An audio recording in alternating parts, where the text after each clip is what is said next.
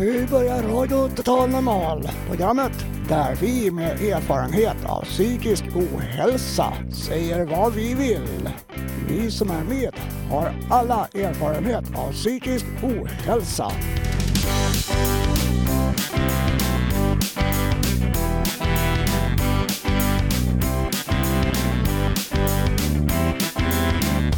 Du lyssnar på Radio Total Normal 101,1 MHz. Totalt normalt.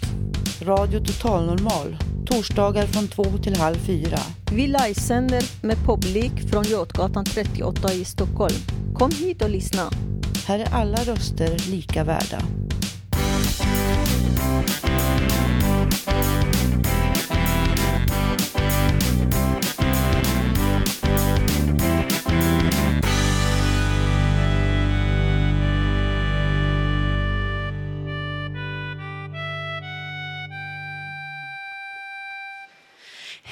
Hej och hjärtligt välkomna till Radio Total Normal.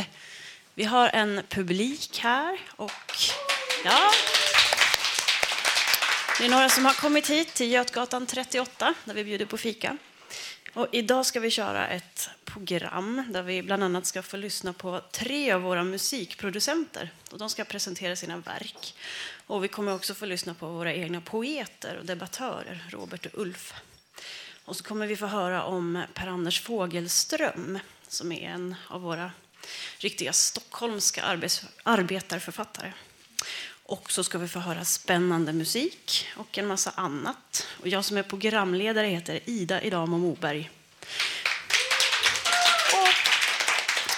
Och jag vill passa på att hälsa till min son Frans som är fem år. Frans, jag vet att du hör mig. Du borstar väl tänderna innan du lägger dig? Och några som säkert borstar tänderna varje kväll, det är de unga vuxna. Vi har en kvinna här som heter Monica Ek som ska berätta om ett intressant evenemang som hon är med och arrangerar. Varsågod. Jag tänkte börja med att fråga dig, Monica. Vad, vad är det ni har ordnat och varför har ni ordnat det här? Ja, eh, Monica Ek heter jag och jobbar med ungdomar och unga vuxna som mår Eh, psykiskt dåligt. Det här är två dagar som är ordnade sedan eh, 2000... Nu ska jag se om jag säger rätt. Uh, ja, nu har jag inte året. Men de här konferenserna har pågått några år. Eh, I år så är vi ett, två behandlingsställen, Krika behandlingsgård och Sofia Engens dagverksamhet och Andreas Murray som har ordnat det här. Därför att vi som jobbar med unga vuxna märker att vi har ingen bra mötesplats, vi som jobbar professionellt med unga vuxna. Att byta erfarenheter, eh, titta på forskning som finns, diskutera och lära oss mer hur vi ska möta den här gruppen som har ett växande, en växande psykisk ohälsa har vi sett. Vad är det för grupp du talar om? Som har? De är mellan 14 och 25. Men ung vuxen brukar vi säga att man är mellan 18 och 25. Sen kan man ju liksom gå uppåt lite mot 30 ibland. Men eh, det är framförallt den gruppen mellan 18 och 25. Och vi har sett, eller forskningen har visat att den gruppen mår väldigt dåligt och mår sämre och sämre faktiskt. Det är högre självmordsbenägenhet och mer psykisk ohälsa. Och det är ju inte acceptabelt att det är på det här sättet. Nej. Det vill vi boda råd, eller se, se till att det blir ändring på genom att försöka lära oss mer. Framförallt hur man får en bra kontakt med en ung vuxen som behöver hjälp. Som Ja. är temat i de här dagarna. Som är på fredag imorgon och på lördag här på Söder. Och det har varit ett jättestort eh, intresse för de här dagarna. Det kommer folk från hela landet faktiskt och från andra nordiska länder. Och allas har vi gemensamt att vi jobbar med unga vuxna eller ungdomar. Får vem som helst komma på det här? Tyvärr så har det här, är det så att det är bara behandlare som kommer. Och, eh, på, synd nog kan jag säga. Eftersom det har blivit så otroligt tryck på de här dagarna så att lokalen räcker nästan inte till. Så att eh, vi får väl tänka till att nästa år så hoppas vi att även ni unga vuxna kan få komma och lyssna på det som handlar om er. Ja. Det vill vi göra. Ja, vad bra. Ehm, ja. Ja. ja, då tackar vi dig, Ja. Monica Ek. Tack.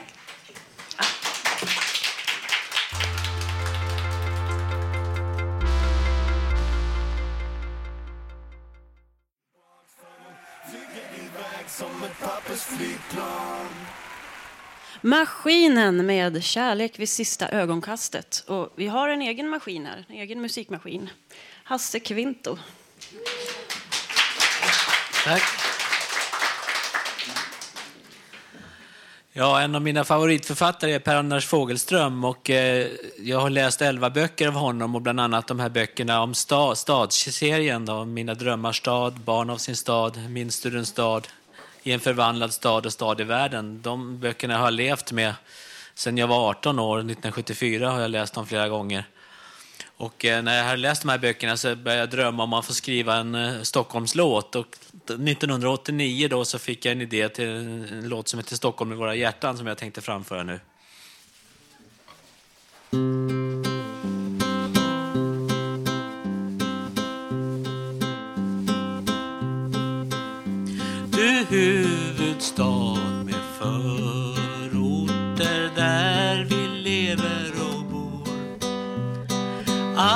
Arbetar, studerar och där du och jag vi tror på kärleken till dig ifrån igår som finns idag. Ja, den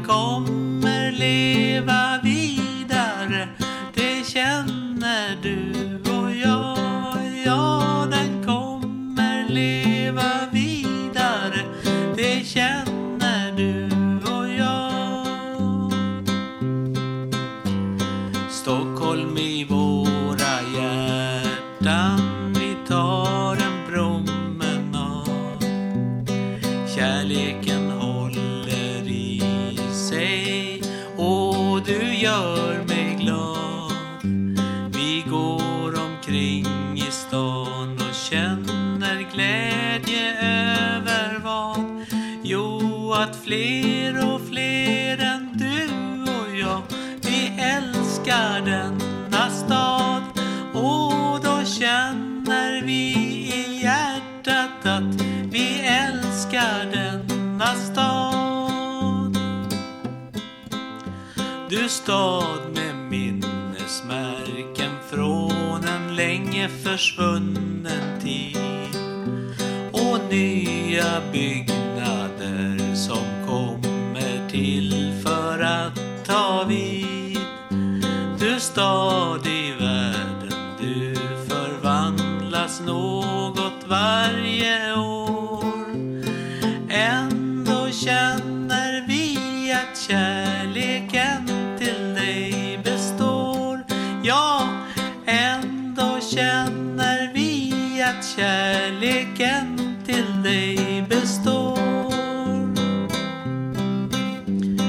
Ja, du stad, nu är man glad och kärleken vi har lever och vi känner vi vill möta nya dagar. Stockholm i våra hjärtan vi tar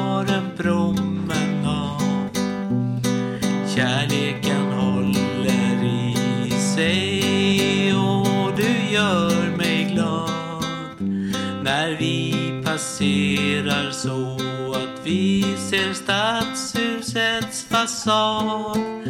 Då känner vi inom oss att vi älskar denna stad. Ja, då känner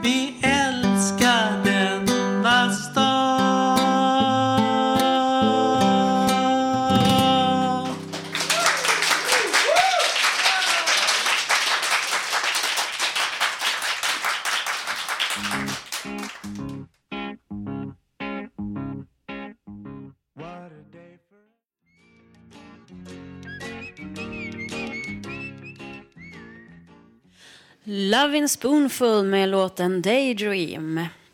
Och nu ska vi få höra en berättelse av Agneta Källström som vi har spelat in. Hon är inte här idag, förra veckans programledare. Hennes berättelse handlar om lycka. Vad är lycka? Jag tänkte prata lite om vad som gör mig lycklig. En av de saker som gör mig lycklig det är att umgås med min väninna. För ungefär 14 år sedan fick jag träffa en psykiater som tyckte att jag skulle gå en rehabilitering på AR-gruppen för att börja arbeta igen. Gruppen jag hamnade i bestod av fyra killar och så var vi två tjejer i ungefär samma ålder. Jag bestämde mig ganska snart för att ingen av de där killarna var någonting att ha. Tjejen däremot verkade trevlig. Hon pratade kanske inte så mycket, men det verkade som hon tänkte innan hon sa något. Tjejen och jag började göra sällskap till bussen och vi upptäckte snart att vi hade väldigt mycket gemensamt. Våra pappor hade varit ingenjörer på gräsrotsnivå i privat industri. Vi hade vuxit upp med våra föräldrar och syskon i radhus i olika förorter till Stockholm.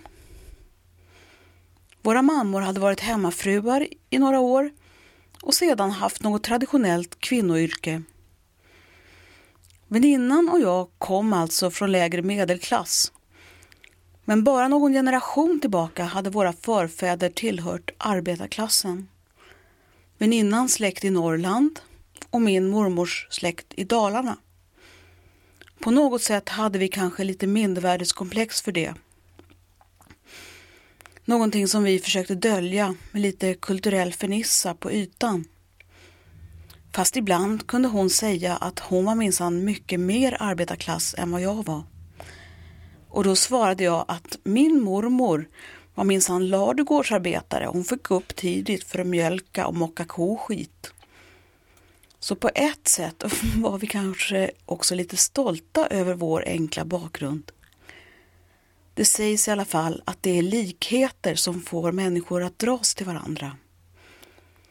Både väninnan och jag hade sedan påbörjat högskoleutbildning men vi hade blivit psykiskt sjuka i unga år.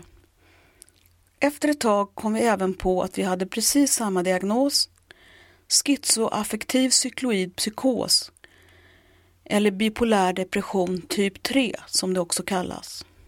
Samma diagnos som Robban Broberg har. Det är en ärftlig sjukdom som kan göra att man kan bli väldigt konstnärligt begåvad och kreativ. Fast det är en kreativitet som man får betala ett högt pris för. När stämningsläget går upp och ner och man ibland får svår ångest. Att man får för sig att man är förföljd, att någon lyssnar av ens telefon och när det är som värst att allting som sägs på radion handlar om en själv. Väninnan och jag började snart åka på semester tillsammans.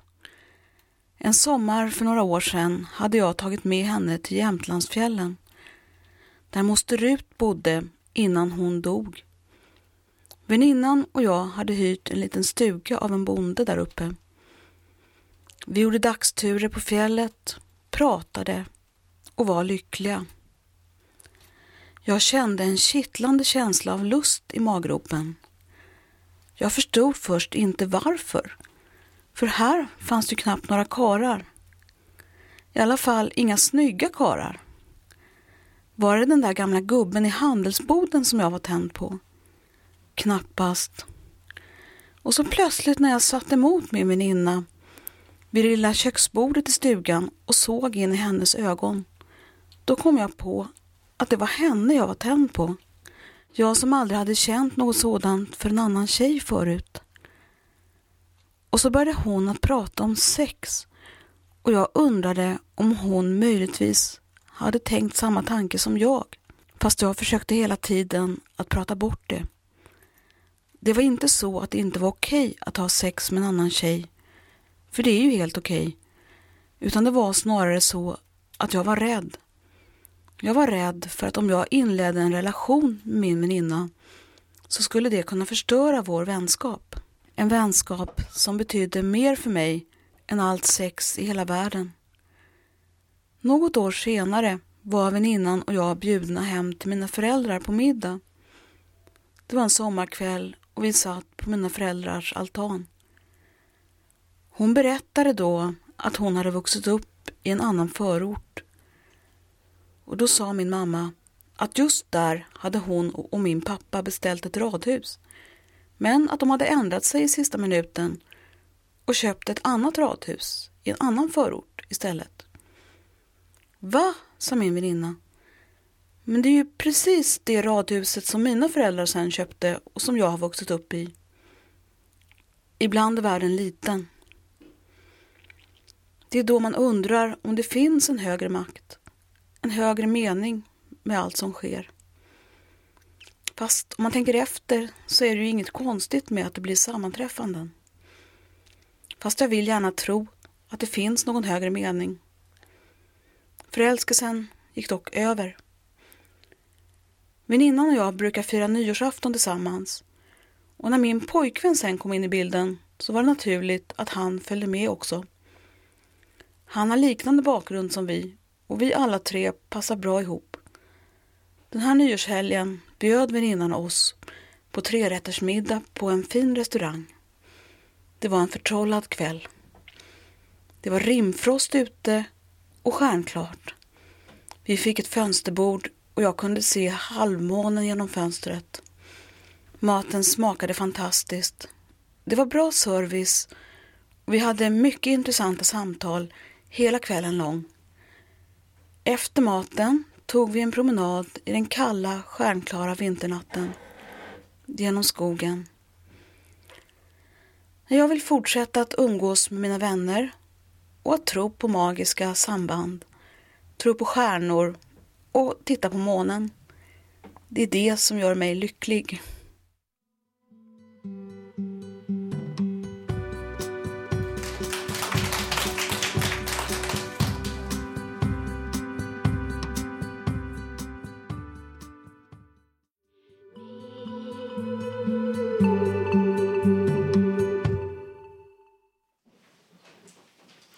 The Knife med New York Hotel. Och vi har en eh, liknande producent här, ungefär samma genre kan man säga. ungefär. Eller vad säger du, Gabriel? Är det samma genre som The Knife du gör? Om jag har tur. Om du har tur. Ja. Du, du spelar gitarr och du gör också elektronisk musik. Jag försökte fråga dig förut här vad du använder för musikprogram. Är det en hemlis eller? Alltså helst så ska det ju vara någon sån här typ... Ja men... Alltså jag skulle ju bli glad om man kunde typ så här, sitta med en maracas på någon typ så här... Jag vet inte. Kanske under en gran eller något liksom. Det skulle vara så jädra coolt. Med en dattbandare i fickan då? Ja, kanske. Eller typ, ja men något sånt där. Kanske. Ja. Eller typ, så, jag vet inte, jag, jag såg någon så grej om någon, någon isländsk tjej som eh, eh hon, eh, hon langade någon så här skitliten maskin så här, som hon kunde typ så här, eh, dra in prylar i och, så här, och få det att gå runt liksom. Ja, har du sett den där filmen Burling Calling? Då har han ju en apparat han går och spelar in tunnelbaneljud med. Är det så du håller på? Samplar? Alltså, har jag tur, då, då får jag göra det. Liksom. Men annars, du vet, alltså, det är ju sån här... Liksom, det är ju lagrade ljud eller, liksom, eller hur man ska se på det. Det kan vara, eller i och för sig, nej, jag vet inte, mina ljud liksom, det, det kommer ju inte att hända liksom. Det tror jag nog inte. Fan, då har man ju redan hamnat i någon jävla ask liksom någonstans. Ah, nu tycker jag du är lite bitter här. Va, nej, nej, nej, men jag är så... Ja. Jaha, ja, ja, nej, men ja, bättre då. Nej, men eh, ja, nej, men jo, det, det är någon, någon ja, jag har en låt som heter Cell. Den, där, där är eh, grejer från Tombstone. Då, då har jag minsann tagit och tänkt lite grann. Jag menar, det är Vad är det tufft med så här, indianer, höll jag på att säga. ja, men du vet, så här, revolvrar och någon... eh, Jag har så här film. Jo, visst. Alltså, det, är- Ja. Är det den låten vi ska höra? va, det hoppas jag inte. Jag tror att... Fan. Men vi ska höra en låt som du, du har skrivit själv. Du, du skriver texter och sjunger. Hur länge har du gjort det? Alltså, det fanns en, en snubbe som, som fick en, eh, en sån här tumör i bukspottkörteln för en jädra massa år sedan. Han hade mig och en annan kille som hette Marcus, stenhård snubbe. På, vi hade typ så här, eh, alltså det var ett jam session som heter duga liksom. Men det är ju så jädra länge sedan alltså. Men eh, hur som helst, det, jag säger det. Är du ute där? Fan, ta det lugnt. Du vet, jag är tillbaks på stretan snart igen. Eh, men eh, till ämnet, jag, jag, alltså, det är väl till och från. Liksom. Ibland så har man någon sån här bra liksom, dag och så kan man liksom så här, äh, sätta sig och riva av säkert något höjt F liksom, eller någonting. Jag vet inte. Gör du en låt på en dag eller gör du färdigt dem nästa dag eller sådär? Alltså, jag vet ju att en del grejer, höll jag på att säga, som jag gör, de, det är så här, måste man göra lite här och lite där. Och, så det, jo, ibland kanske. Ja, men vi tar och lyssnar. Ja.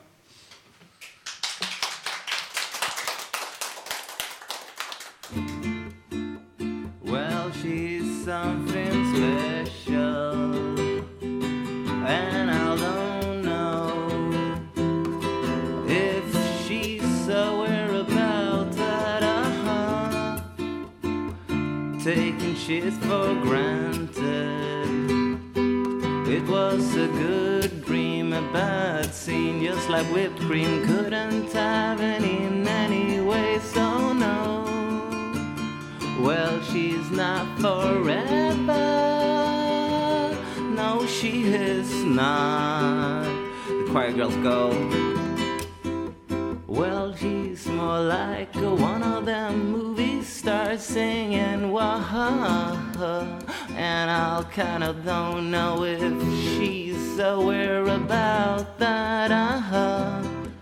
She says like, well, I'm more like one of them movie stars. I'm singing whoa. I'm in the end of the bar and I say, well, she's not where about that. I say, well, I don't know if we were in for a good one. And I'll never lose in cards against her. Couldn't have any in any ways. I'm telling you. Don't know if this is a bad one. But I kinda like it, I feel it, sometimes I fight it, but I'm like one of those dudes giving it up for real, I'm telling you. Well, she's not forever. No, she is not. But I'll go. Well, she is more like one of them movie stars. She's singing ho, and I don't know if she's aware about that. Uh-huh.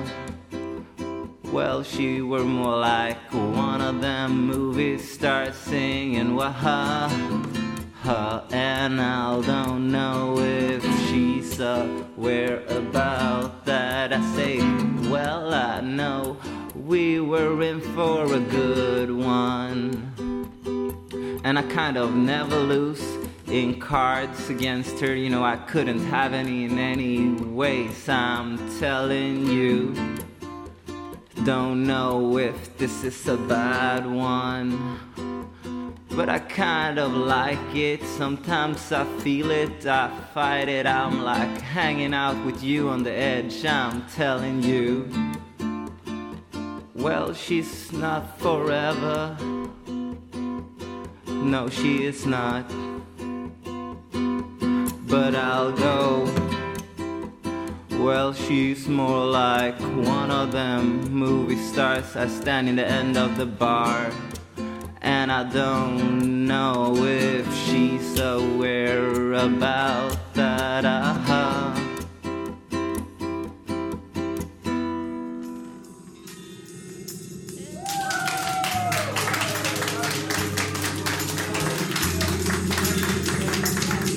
I packed a few of my belongings, left the life that I was living. Just some memories of it, mostly the ones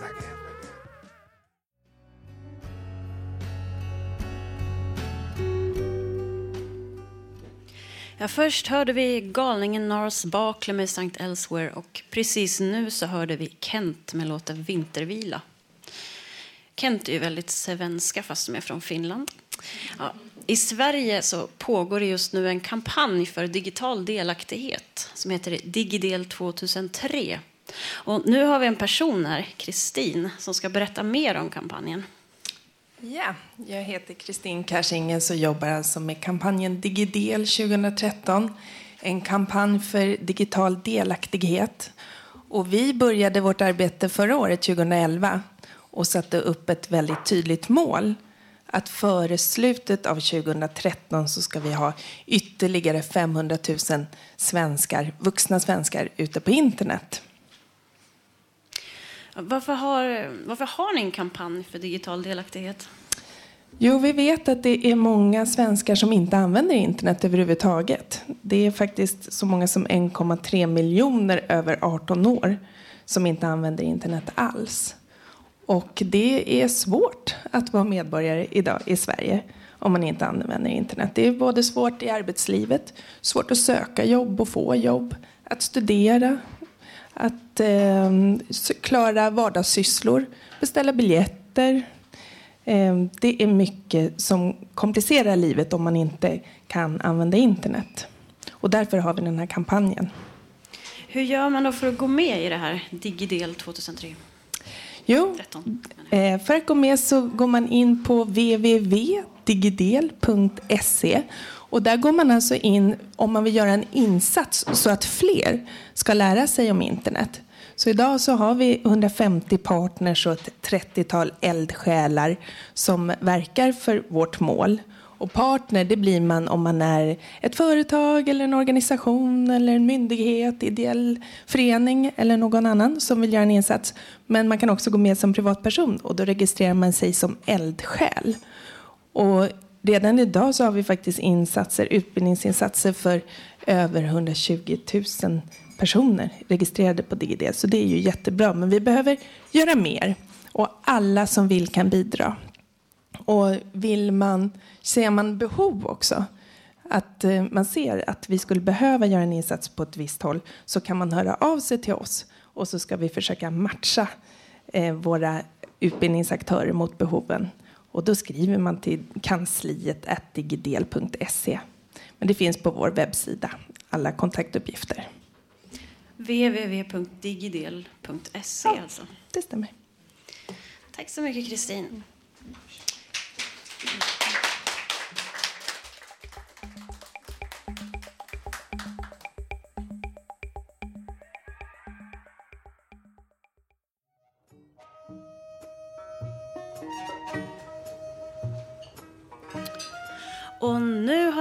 Dags för lite programinfo. Det är nämligen så att Radio Total Normal har fått en telefonsvarare. Och dit kan man ringa och lämna meddelanden. Man kan risa eller rosa, eller så kan man berätta en historia eller slänga iväg en hälsning. Och era meddelanden kommer vi sen att spela upp i programmet hur obscent det än är. Bara det inte är påhopp på någon. Då. Men ja, för vi måste ju värna om yttrandefriheten, tycker jag. Så har du något att säga, eller vill du bara vara galen, så passa på att ring på numret 08 400 20807. Ta papper och penna och skriv upp det här nu. 08 400 20807. Ja, och vill man värna om yttrandefriheten då kan man ju gå in på Facebook för där finns det ju massa grupper. Och det går ju inte att stoppa yttrandefriheten på internet som tur, var, som tur är. Och jag sitter ofta på Facebook nästan varje dag och läser i grupper för individer som är utsatta för myndigheters övergrepp och maktmissbruk. Där finns det jättemånga spökhistorier. Jag kallar dem för spökhistorier eftersom man finner dem helt osannolika. Det var först när jag själv drabbades av illvilliga socialhandläggare som jag insåg hur allting fungerar egentligen. Eller inte fungerar. Man kan säga att staten lider av ett funktionshinder. Vi är här på Fountain House och de som jobbat med sociala projekt och nya arbetsplatser, vi vet ju hur svårt det är att få ihop det. Men jag har hört en riktigt dålig, eller illa historia om Råby ungdomshem i Kronobergs län som jag läste här på Facebook. Där det är en tjej, hon kom dit och, som tonåring, mår jättedåligt och så blir hon omhändertagen med att hon får de drogar henne med ett preparat som heter Terralen som är jättestarkt som man ger till alkoholister. Så hon, hon fick ju det här dagen innan hon skulle överklaga sitt LVU när hon hade sin chans att komma till hovrätten. Då var hon för hög för att gå dit helt enkelt. Det hade de sett till där. Och hon beskriver den här vistelsen på Råby som mardrömslik. Det var bara en i personalen som var snäll. Och när hon var borta eller när det var helg, då var det ett helvete.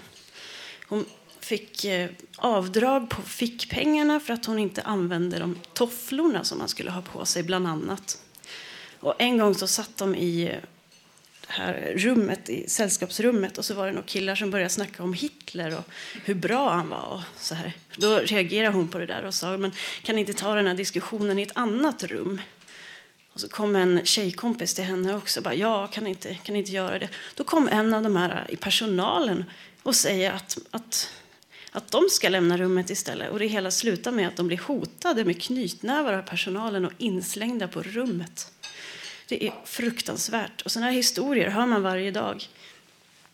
Sen så har jag hört talas om en annan ung mamma, en ensam mamma.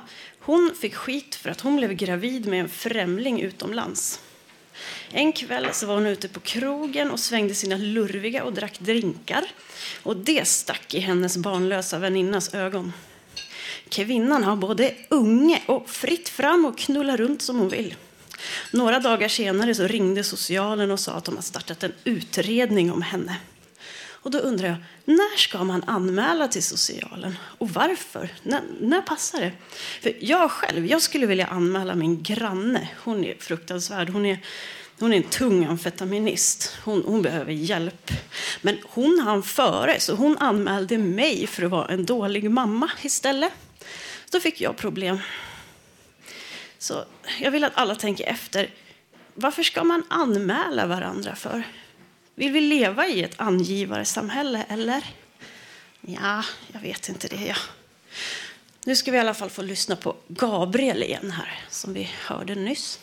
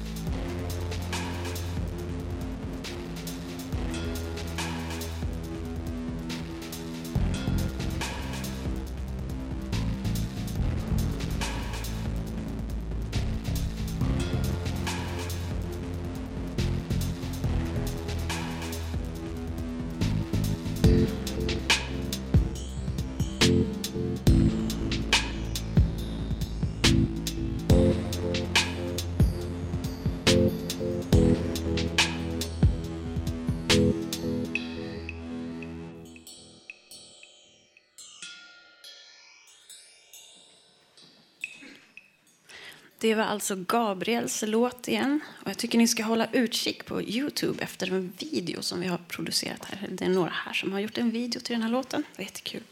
Och nu ska jag lämna över ordet till Robert Naverstam. Ja, hejsan. Det är torsdag, det är Södermalm. Det är mitt i vintern, även om det inte ser ut så här ute. Jag har ett litet debattinlägg här. Varför är han så rädd? Eller varför är jag så rädd? Visst, jag är rädd. Hur ser ni på det? Visst, man kan väl kallas fegis. Tror ni att min rädsla ska föra mig till helvetet?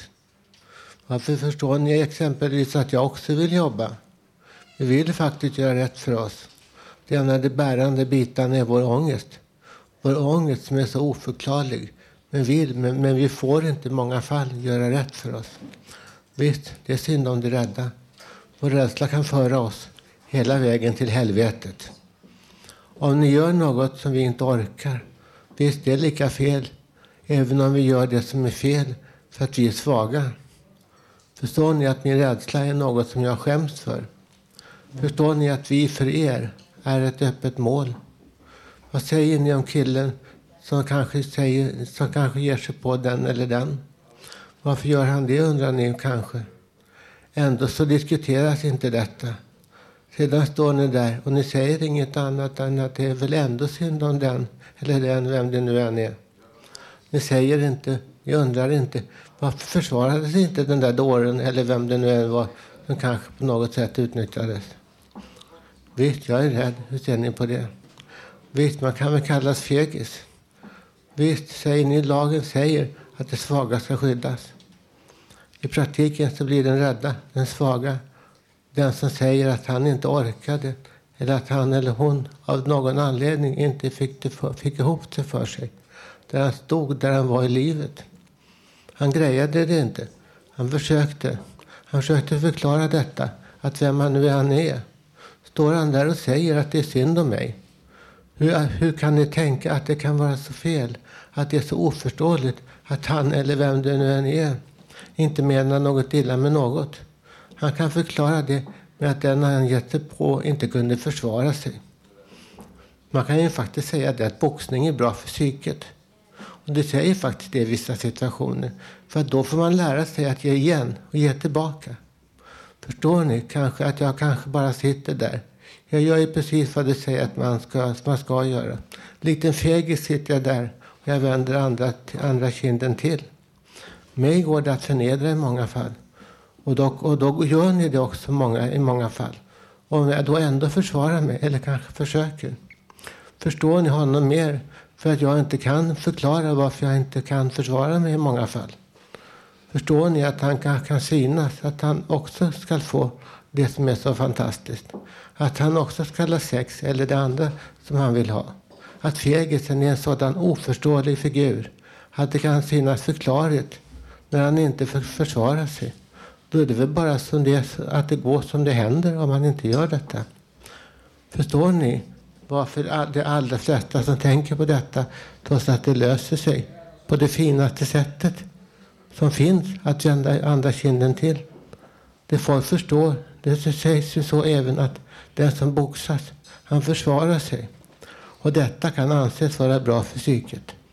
Hur vrider man detta rätt? Så att man förstår vad man gör när man kysser sig själv i ändan, hur ont det än gör. Kan du förklara det så enkelt att det gäller sexuellt förnedrande? Då kanske man inte, eh, åtminstone kan, kan ha rätt att säga jag vill inte. Kan det vara så enkelt? Nu när vi tagit isär detta i sina beståndsdelar och vi då kommit fram till vad? Kanske vi kommit fram till att det ändå kan vara så att, man, att det är filosofiskt med den kristna läran och annan gammal moral som säger att man ska vända, andra sidan till. Man kanske ändå har rätt att säga jag vill inte. Varför försvarar han sig då inte? Det blir ju bara värre. Visst, jag är rädd. Hur ser ni på det? Visst kan man kalla mig fegis. Vad tror ni min rädsla för mig? Han är feg. Vi vet hur det är. Hans rädsla ska föra honom hela vägen till helvetet. Tack.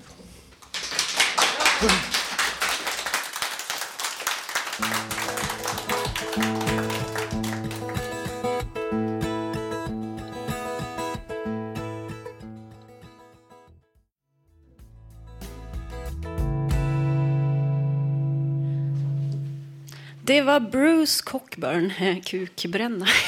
Bruce Cockburn med låten Different when it comes to you. Och nu har vi en kille här som heter Erik Emanuelsson. Du har inte kukbränna, va? Nej. Va? Ingen, nej. Du, eh, du brinner för att producera musik. Och Ja, just det. Mm. Du, jag vet att du har varit lite grann på Studio IT. Ja, just det. Trivs du där? Va? Ab- absolut, det är jättebra. Och, eh, vi har, jag har inte kommit igång än riktigt. Jag har bara varit där några gånger för att vi har haft eh, julavbrott och sådär.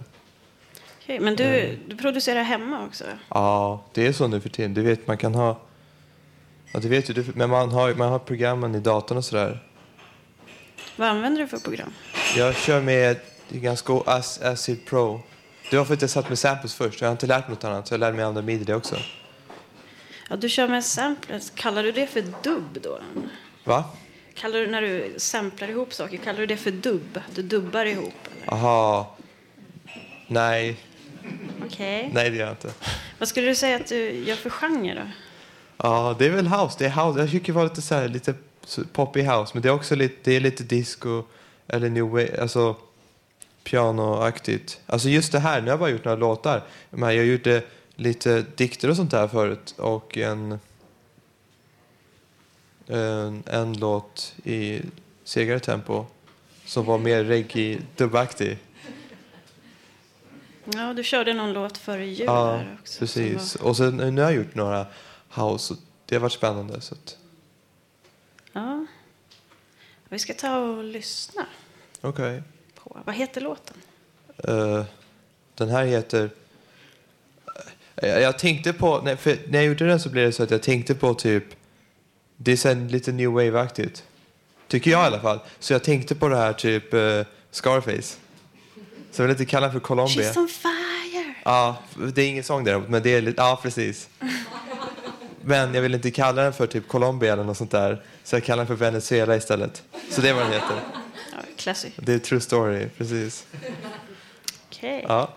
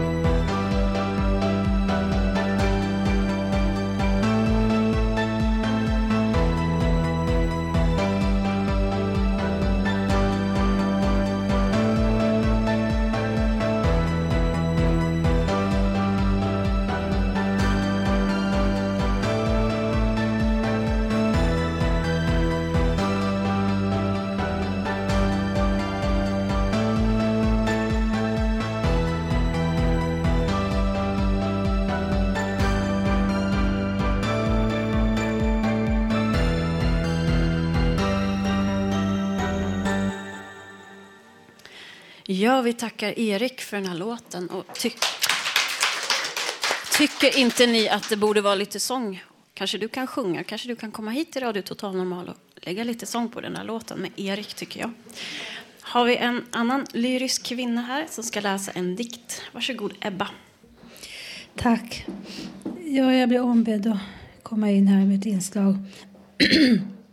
och jag ville läsa, som jag gjort förut, Harriet Lövenhjelm är min släkting som led av en obotlig tuberkulos. Hon är mycket kristen och har mycket sådana ord och bibelord och sånt i sina dikter. Och idag kände jag för att läsa den här. Det har ingen överskrift. Jag ville ge min hjärtans lille broder en ädelsten, en kostbar krysolit. Jag ville ge den bästa av klenoder. Jag ville ge. Gud må mitt vittne bliva att jag intet, inte till att ge. Men för min broders sällhet vill jag be. Se, jag vill klä mig i min pilgrimskappa och gå en pilgrims ändons långa väg. Jag ska krypa upp för templets trappa. Jag ska, jag ska still vid altarstenen ligga och utan återvändo ska jag tigga tills Herren säger Ske dig som du vill. Min panna ska jag hårt mot marken trycka och säga Herre Gud och Jehova som håller i din hand all fröjd och lycka. Dig vill jag be. Jag har en liten broder, din skattegömmas yppersta klenoder. Av namnlös salighet åt honom ge. Ja, honom ger den fröjd varåt man hissnar då man förnimmer i den en kort minut. Men ge den så dess fägring aldrig vissnar. Jag ber dig, och skänk förutan like. Men Herre, då han kommer i sitt rike och ge att han ej helt förglömmer mig.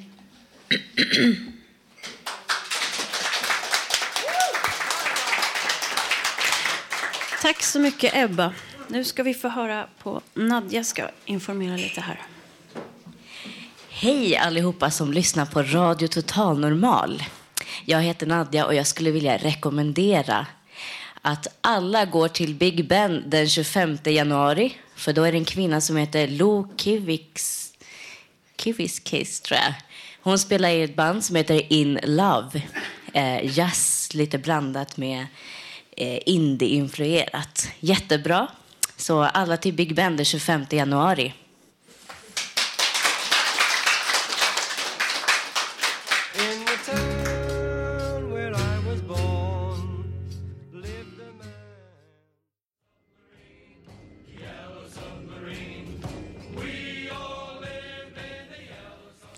Och det var skalbaggarna med den gula ubåten.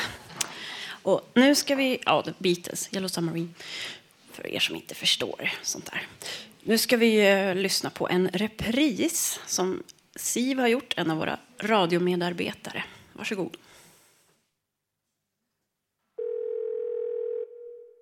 Du behåller din plats i kön.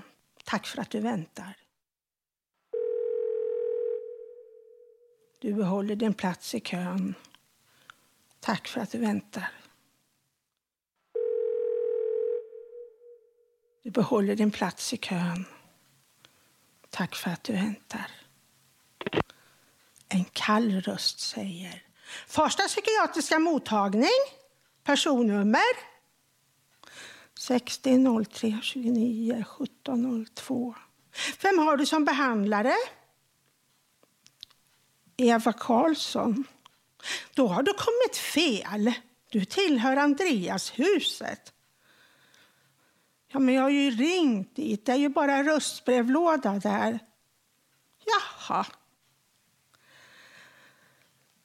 Jag känner panik och ringer om till Andreashuset där jag hör en kall röst som säger Du har kommit till Eva Karlsson. Jag kan inte ta ditt samtal just nu, men prata gärna in ett meddelande så ringer jag upp så fort jag kan.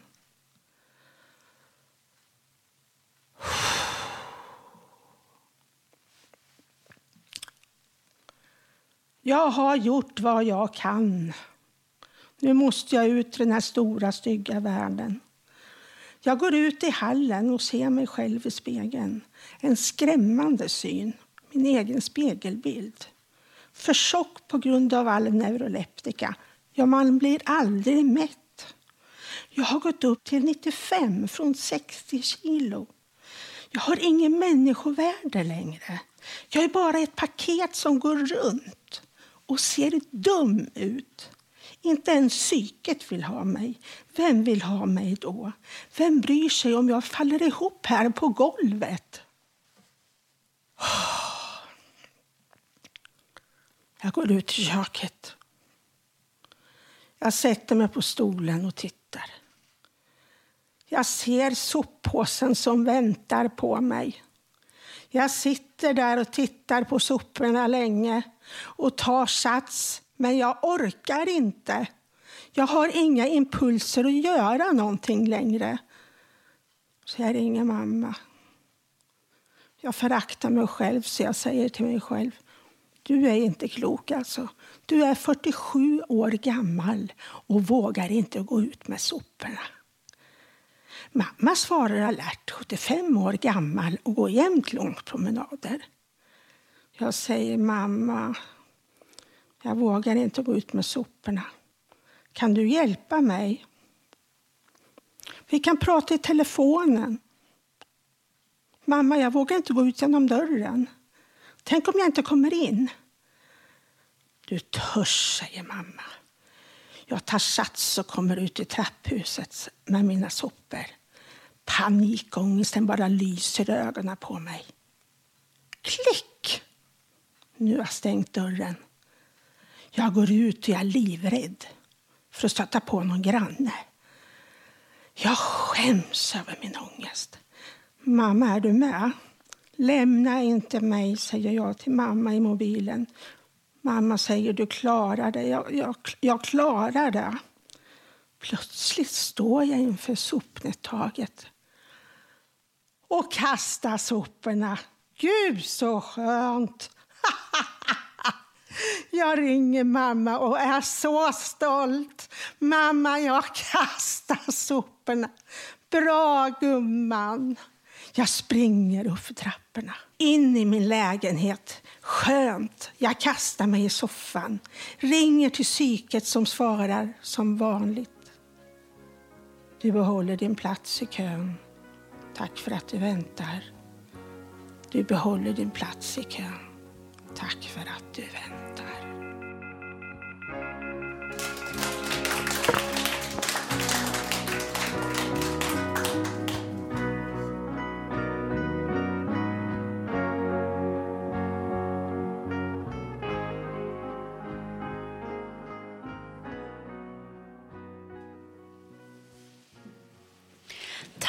Tack för den historien.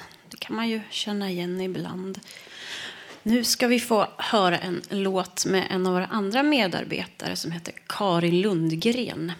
Låten heter Minnets källarvalv och har tidigare spelats i vår senaste P4-sändning. Och inspelningen är gjord på Studio IT som är Farsta socialens musikterapeutiska verkstad.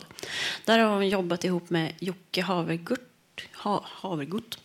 Och hon beskriver sina influenser, att de kommer ifrån jazzen, bluesen, visor, Cornelis, Robban Broberg och Monica Zetterlund bland annat. Varsågod Karin Lundgren, Minnets källarvalv. Nu faller höstens alla löv mot jordens våta barm. De virvlar runt i orostans invid min fönsterkarm. Snart tystnar allt, snart sover allt i minnets källarvalv. Och elden ur förgången tid ska falna och bli kall. Jag samlar höstens alla löv och tänder minnets bål. I lågorna jag ser din blick där kärlek fanns igår. Snart tystnar allt, snart sover allt i vinterns frusna famn. Men tusen minnen invid min fönsterkarm. Jag skördar vårens unga sådd som höstens bittra bär. Ty livets starka visdomsträd, det växte inte här.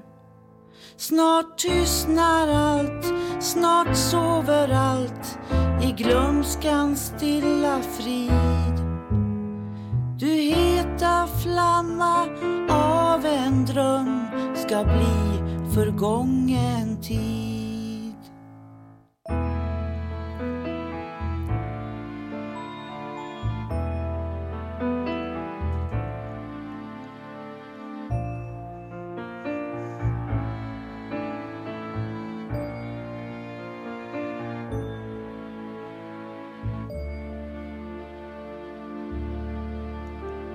På jordens våta mörka mark bland lövens sista dans. Jag möter eldens vilda blick som brinner utan glans. Snart tystnar allt, snart sover allt i minnets källarvalv. Och tid ska falna och bli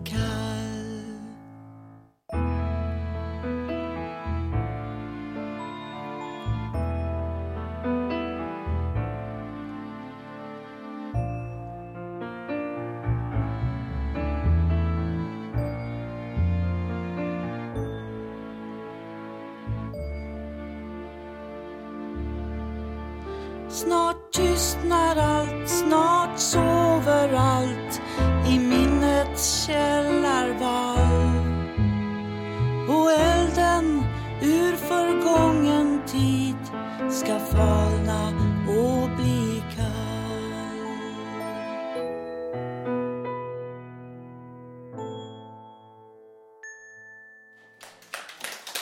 Tack så mycket Karin Lundgren. Och nu har det blivit dags för Ulf att läsa sin dikt. Förra året var, ja, förra året var 2011. Idag är fredag januari. Det var december. Jag bor i Hammarbyhöjden. Kanske imorgon i Råda. Far till ryssen 69-70. Jag var på en tid sedan. 58. Båten kom till sjön Atlanten, Panamakanalen. Jag var i Europa, på en Sydamerika, i Hamburg, Tyskland, en stad till Antwerpen, Belgien. Jag arbetade på Falternas kontortid. Middagen i juni, juli var sommar. Jag Solsken tre gånger. Kanske nästa månad i februari. Och strax fredag 13 januari.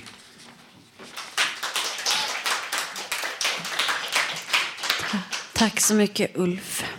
Ja, nu har det blivit dags att avrunda dagens program för vi har kommit till slutet av sändningen. Och idag så har vi fått lära oss mer om vården, verkligen, hur den fungerar. Och nästa torsdag så kan du lyssna på oss igen som vanligt. Eller så kan du komma hit till Fountain House på Götgatan 38 i Stockholm. Och fram tills dess så kan du lyssna, oss, lyssna på oss på webben, www.radiototalnormal.se. Där finns även gamla program man kan gå tillbaka och lyssna. Och där kan du också skriva i gästboken, komma med förslag och gå in på vår Facebook-sida och titta på bilder. Tekniker idag var Gustav Sondén, producent Melinda Vrede, producent för Ungredaktionen Emma Lundenmark och projektledare var Bodil Lundmark. De som har valt musik idag heter Micke Lundqvist och Thomas utan efternamn. Vi ska ta det sen. Och jag som var dagens programledare heter Ida Idamo Moberg. Tack för oss. På återhörande!